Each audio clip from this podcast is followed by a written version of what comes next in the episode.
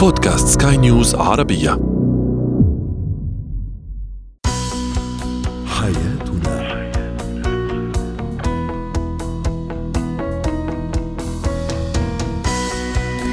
مستمعينا الكرام أهلا بكم معنا إلى حياتنا فضاؤكم اليومي الذي يعنى بشؤون الأسرة وباقي الشؤون الحياتية الأخرى والذي يمكنكم الاستماع اليه عبر منصة Sky News Arabia dot com slash podcast وباقي منصات سكاي نيوز العربيه الأخرى. وأيضا يمكنكم مشاركتنا تعليقاتكم عبر رقم الواتساب 0561886223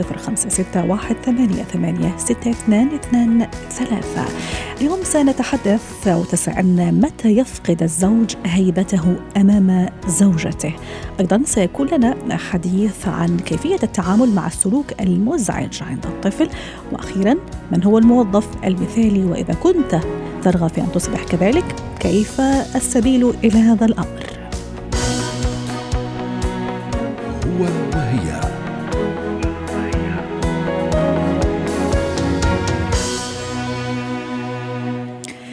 المقصود بهيبة الرجل متى يكتسبها وكيف يفقدها تحديدا أمام زوجته هذا هو موضوعنا وهذا هو سؤالنا التفاعلي أيضا.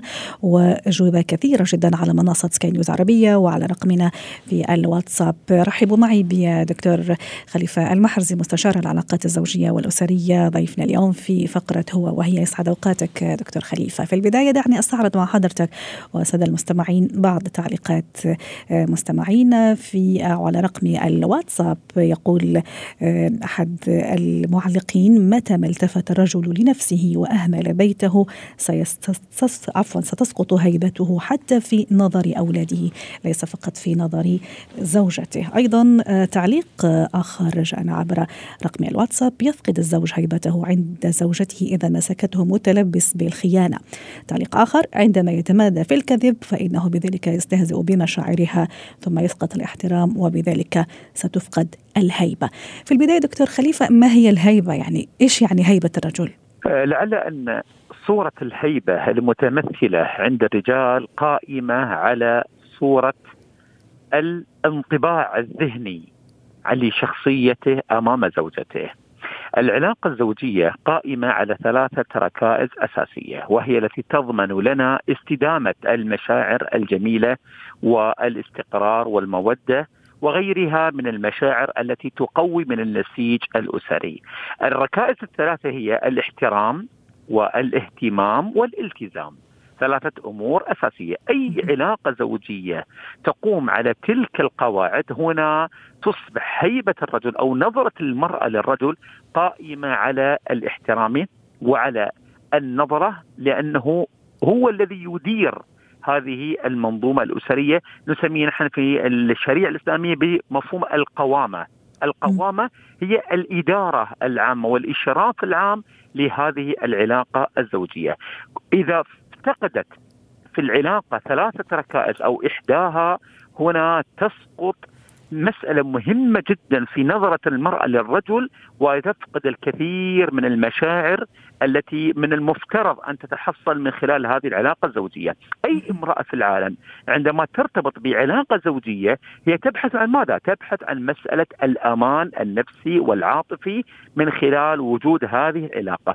تفقد هذه الهيبة عندما يقوم الرجل بعملية تقصير في هذه الركائز الثلاثة فهنا تختل النظرة العاطفية للمرأة عندما يبدأ هو يهمل هذه المسائل الثلاثة ألا وهي الاحترام والاهتمام والالتزام. رائع. خليني أيضا أقرأ بعض التعليقات دكتور خليفة. دائما يعني ردا على هذا السؤال. تعليق يقول عندما تكون هي اللي تصرف عليه. تعليق آخر لما يكذب ويلعب بذيله من وراها لما يكون فاقد الإحساس بالمسؤولية تجاه أسرته أيضا عندما يكون عندها راتب وهو ما عنده. يعني أيضا هون المسألة الماديه اتصور في كثير من ال من ال من السادة المستمعين علقوا على هالموضوع. إيش رأيك دكتور خليفة؟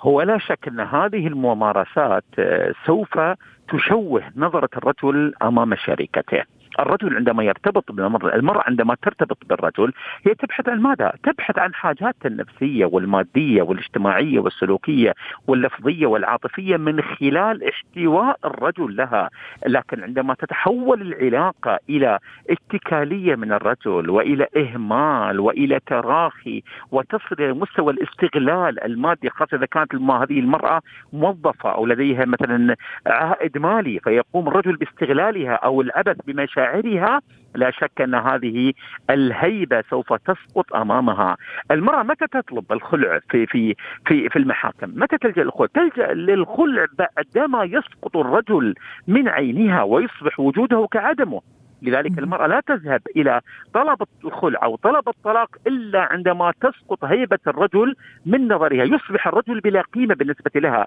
وإن كان الأساس بأن الرجل هو الذي يمثل الوطن الجديد للمرأة عندما تغادر منزل والدها. يمثله مصدر الأمان ومصدر الحياة بالنسبة لها. لكن عندما تفتقد هذه المعايير مع شريكة حياتها لا شك أنها ستسقط هذه الهيبة أمام ناظرها فيصبح الرجل عالة بدل ما يصبح هو الأساس في كل شيء في حياتها.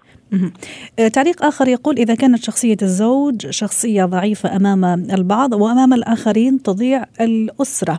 أيضا دهلية تقول يفقد الرجل هيبته أمام الزوجة عندما يهينها وحتى أمام أولادها يعني تقصد عندما يقلل من شأنها أمام الأبناء. نعم.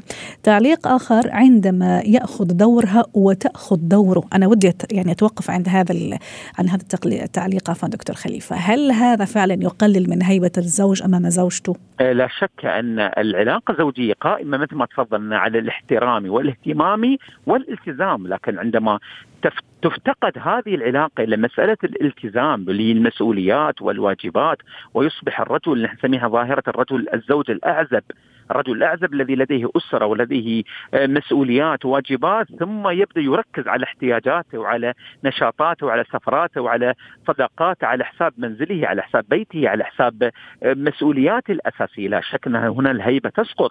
إلى جانب أيضا عدم حرص الرجل على على المحافظة على كينونة الأسرة والسماح للآخرين وخاصة أهل بيته سواء كان والدته أو حتى أخته الكبيرة. بالسماح بالتدخل آه، في شؤون تفاصيل حياته والتحكم في إدارة علاقته الزوجية لا شك أن هذه تسقط من هيبته أمام زوجته وأبنائه. اعتماد الرجل على المشاعر اللاهثة خارج المنزل وإيجاد العلاقات في دائرة النزوة على حساب بيته هذا لا شك أن تسقط من هيبته أمام زوجته. كلمة الهيبة هي الصورة الذهنية القائمة على احترام الرجل وعلى التفوق الذي هو يعطيه من خلال مسؤولياته وواجباته تجاه بيته. جميل. لكن عندما يقوم بالتقصير في هذه الجوانب لا شك أن هذه الصورة الانطباعية الذهنية سوف تتسمم وتتشوه صورته أمام أهل بيته بتصرفاته الغير جيدة ودكتور خليفة في الحقيقة اليوم إحنا موضوعنا هذا اللي طرحناه للنقاش مو فقط حتى نبين النقاط ولا الأشياء اللي تخلي هيبة الرجل تسقط. أيضا نبحث عن حلول يعني هل في حلول لما تسقط هذا الهيبة لما هذه الهيبة عفوا لما تتناثر لما تتكسر هذه الصورة زي ما تفضلت حضرتك آه لهذه الأسباب كلها مجتمعة أو لأحد الأسباب أو لأكثر.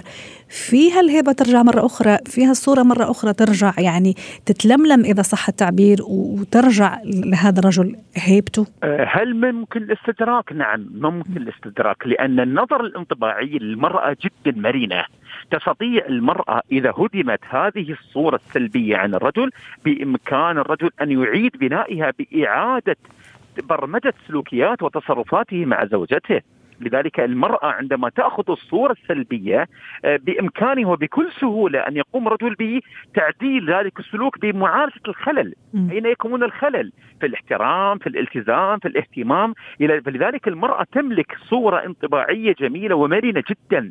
بإمكان الرجل أن يغيرها بكل سهولة على عكس الصورة الانطباعية التي يحملها الرجل عن المرأة تحتاج إلى مدة زمنية نسميه الانطباع الذهني أو العاطفي الذي يحتاج إلى فترة طويلة التغيير عند الرجل، لكن عند المرأة سبحان الله تملك صورة انطباعية جميلة جدا وسريعة ومرنة. بإمكان الرجل أن يتعرف أين يكمن الخلل أو أين تكمن الفجوة أو أين نقاط الاحتقان التي تؤدي إلى توتر المرأة، يستطيع أن يعرفها لأن المرأة صريحة وواضحة في احتياجاتها، المرأة جميل. صريحة واضحه في انتقاداتها، فبامكان بمتابعة ورصد هذه الاعتراضات السلبية عند المرأة يستطيع الرجل أن يقوم بمعالجته بطريقة جدا سريعة ويعالج الخلل الموجود ويسترجع الهيبة التي تبحث عنها المرأة. شكرا لك دكتور خليفة المحرزي مستشار العلاقات الزوجية والأسرية ضيفنا من أبو ظبي. الحياة.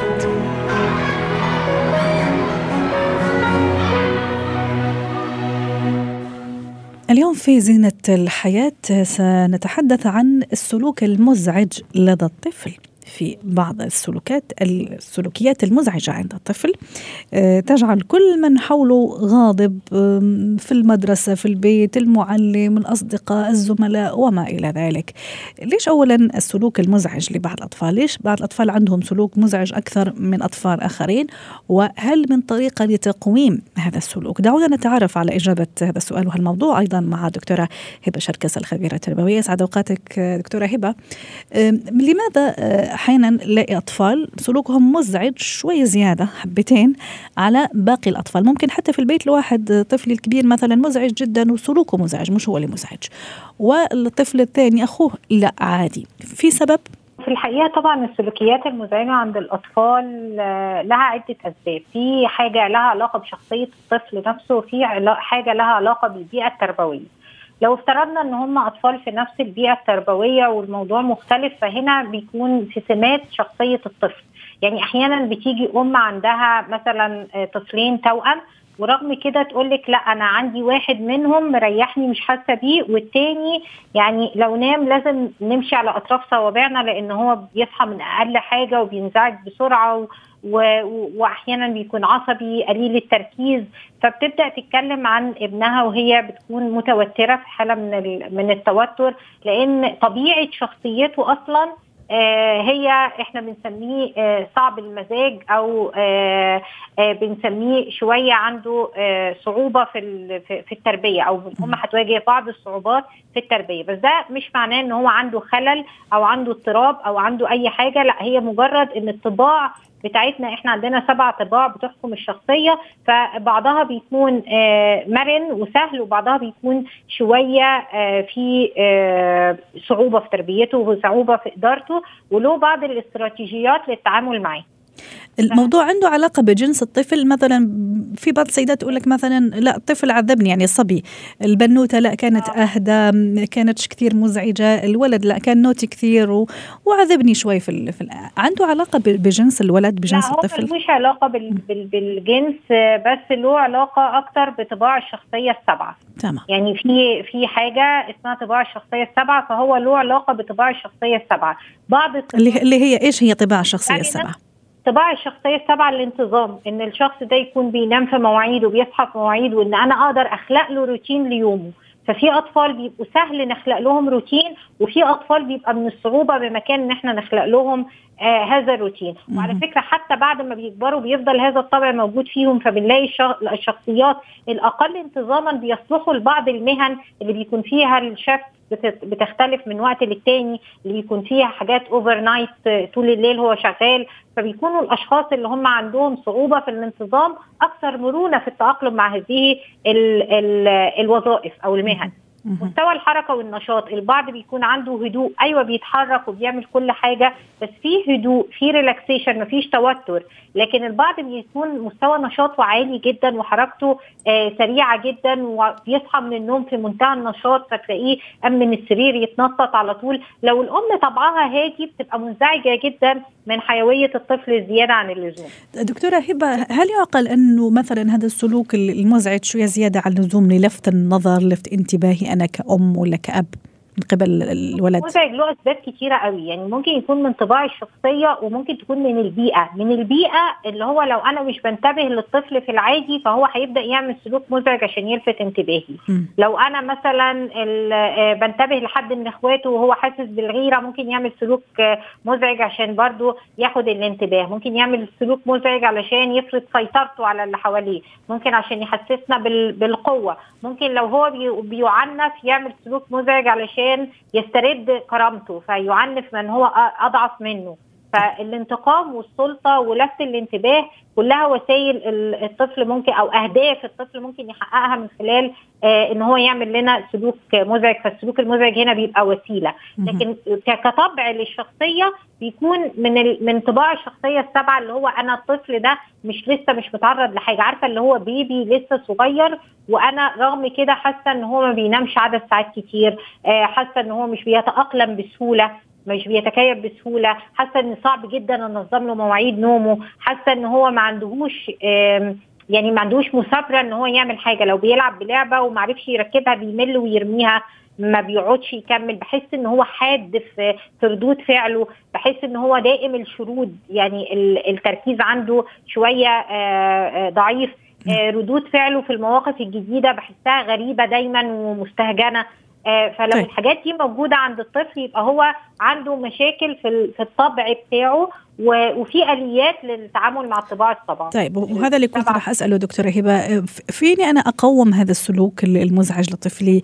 أقل شيء أخفف منه يعني حتى ما حيل لأنه ما يسبب لي فقط أنا إزعاج في البيت. ممكن مثل ما أشرنا في البداية في في الأقارب إذا رحنا مثلا زيارة عائلية إذا جونا ضيوف في المدرسة المعلم يعني في المحيط بشكل عام كيف أقوم سلوكه هو أول حاجة في الموضوع إن أنا آه لازم إن أنا أميز. هل فعلا هو مشكلة طبع ولا هي مشكلة سلوك آه عنده آه هدف معين عايز يحققه فهحقق له أهدافه بطريقة غير مزعجة. يعني لو عايز يكون عنده قوة أو حاسس إن هو أضعف فأعزز مكانته بدل ما هو يحاول يعزز مكانته بسلوك مزعج لو هو حاسس إنه عايز انتباه فأديله الانتباه. ففي البداية أنا بستبعد عن طريق إشباع الاحتياجات الثلاثة اللي ممكن يكونوا ورا السلوك المزعج. اللي هو قلنا القوة والانتباه والانتقام. إن هو يمارس عليه تعنيف فهو بيرد كرامته واعتباره لنفسه. بعد ما استبعد الثلاثة دول ببدأ أشتغل على الطباع السبعة بقى. أبدأ أقيم هو انه كام واحد من السبعة دول عنده هي دي الطباع. رقم اثنين إن أنا ببدأ أقبل الطفل لأن هو ربنا خلقه كده ولأن أكيد هو له وظيفة في المستقبل تتناسب مع طباعه دي. فمجرد قبولي للطفل وتفهمي له بيخليني إن أنا أدخل في الستيب اللي بعدها إن أنا أعلم الناس اللي حواليه إن هو طبعه كده إن ده دي دي طباع. فأبدأ أفهم أسرتي المدرسة الكلام ده. وبعدين أبدأ أعمل معاه بعض الآليات اللي تحقق الانضباط آه مع الطفل زي إن أنا أقعد وأعقد معاه جلسات وأتفاهم معاه ونبدأ نقنن هذه الطباع أو نهذبها. آه طبعا. كل حسب المرحلة العمرية اللي هو فيها. شكرا لك دكتورة هبة شركس الخبيره التربوية ضيفتنا من أبو ظبي. مهارات الحياة.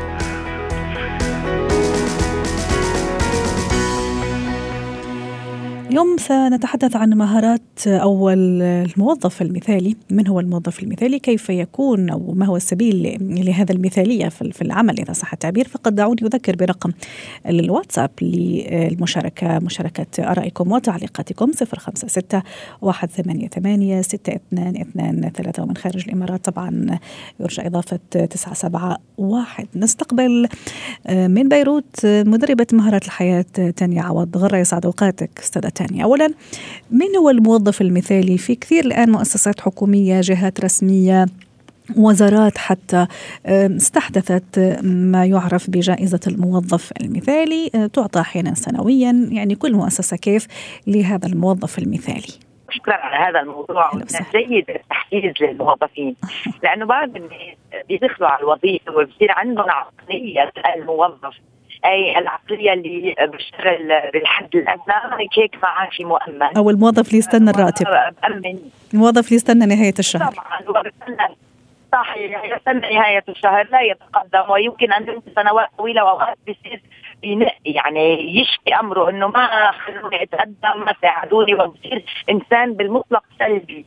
آه للأسف يعني. ولكن لحسن الحظ إنه مثلا مثل جوائز التحفيز بتحفز الناس على إظهار الأفضل فيها وعلى عدم التكاسل. فاذا يلي بيقدروا يعملوه الناس بهذا الإطار ليكونوا موظفين مثاليين هن إنه يعني أول شيء يعرفوا إنه آآ آآ يمكن تغييرك. يعني أنت لست هنا للأبد يعني إذا الشركات اليوم أصبحت متطلبة يعني والمؤسسات وبالتالي ممكن إذا أنت لم لم تكن موظف جيد ما رح لأنك أنت خلص تثبتت. ممكن استبدال فإذا احذر يعني خاصة الآن ربما راح أفتح قوس ستانية الآن مع موضوع أزمة كورونا وما خلفته طبعا حول العالم من الكلام. يعني عدد كبير من الناس وموظفين فقدوا عملهم فأكيد الآن سوق العمل مليء جدا ب آه، يعني آلافات ألوف السير الذاتية اللي كل الأشخاص الآن عم تدور على عمل آه، كما قلت خاصة للناس فقدوا آه، وظائفهم. فتصور هذه النقطة مهمة جدا يأخذها بعين الاعتبار آه، الموظف أليس كذلك. تفضلي أستاذة تانيا إذا أقول أنت يمكن استبدالك. أعرف هذا. ثانيا كن منتجا وصاحب مبادرة. أي بالإنجليزية برو أكتف لا تنتظر ردود الأفعال وصدور الأوامر للالتزام بها والالتزام أحيانا يكون على مضض. كن صاحب مبادرة على قدر وظيفتك يعني. أنت منتج أنت تأخذ المبادرة، المبادرة بتفتح عين الإدارة عليك إنك أنت إنسان مبادر. أعرف إنه آه، أنت آه، ممكن إنك تتحسن لما بيكون في مثلا المؤسسات اليوم تقوم بتدريب الموظفين، عندما يكون هنالك من تدريب شارك ضع اسمك على اللائحة كن الأول أريد هذا التدريب فهذا يساعدني في وظيفتي. أو مثلا بتدخل عند ال HR بتقول له ليش ما نتدرب على هذا الأمر؟ نحن بحاجة لتدريب على ذلك الأمر فأنت هنا صاحب مبادرة وأنت دائم التعلم خلي حشريتك دائما صاحية. كن حشريا ايجابيا يعني حشري بالتعلم بالمعرفة. كمان الإدارة بتشوفها ممكن تشوف هذا الأمر أكثر. آه كون يعني كون إنسان بيأخذ المبادره كون إنسان آه بيقدر يكون منتج دائما. آه أعمل بجهد المجهود كمان لا يمر مرور الكرام بيقشعوه. آه عادة كثير من الموظفين آه عندهم ميول للشكوى أكثر من الإتيان بالحلول. يعني مثلا بنقوم باجتماع تلاقي الموظفين عم يشكوا عندنا هذه المشكلة وهذه المشكلة ونعاني كذا وعنا بكذا وكذا وكذا. كلنا من أولئك الذين ليس لا يقومون بالمشكلة فقط بل يطرحون الحلول. أنت لهذا تكون برو اكتف تكون صاحب مبادرة لأنه النق النق لحاله آه، مؤذي. وعلى على النق لا تنق تنق يعني ما تشكي وتنعي. ما ضلك الشكوى قائمة. إنه أنت عم تشتغل وغير موظفين أقل منك وعم بشوف لك أصحابك أكثر من بيشوفوا. شغلك وأنت عم لا تشارك هذه الأمور هذه طاقة سلبية لك اولا وللموظفين حولك ثانيا وللإدارة التي لا تحدد الذين يقومون بهذه الأنواع من الأعمال دائما. بقى يعني آه، الشكوى إذا كانت أي بمكانها قم بتقديمها أمام الشخص المناسب، لا تأخذ آه، استراحات القهوة لحديث الصالونات والنق لا تستعملها، كن هذا الشخص الذي ما ما بيشكي وبينعي على الفاضي. اللي اذا عم يلقوا المشكلة بجرب يلاقي لها الحل وأمام الجهة المناسبة مش نعم. أمام باقي الموظفين. آه آه كمان أنت موظف ما توقف علم مثل ما قلنا. عمول عمول مخطط لك أنا بعد خمس سنوات أصلا لما بيوصلوا اليوم يسألوا هذا السؤال الكلاسيكي. ما اين نفسك بعد خمس سنوات لحتى. يشوفوا هل اللي عم يتقدم بطلب الوظيفة. إذا عنده أحلام إذا عنده مخططات إذا عنده بلان يكون عندك هذا المخطط. واضح. أنا يمكن بلاقي حالي إنه إذا بشتغل بهي الطريقة بعد فترة بلاقي حالي لازم اكون وصلت لهذه واضح. باشتغل لاوصل للمرتبة. ما إنه غيري هو اللي وصلني لها لأنه فقط عملي ممكن بكون ايجابيا طبعا الإيجابية هي المفتاح. واضح. شكرا لك سادة تاني عوض غرة ضيفتنا من بيروت ونعتذر فعلا عن رداءة الصوت من المصدر لكل مستمعينا. حياتنا.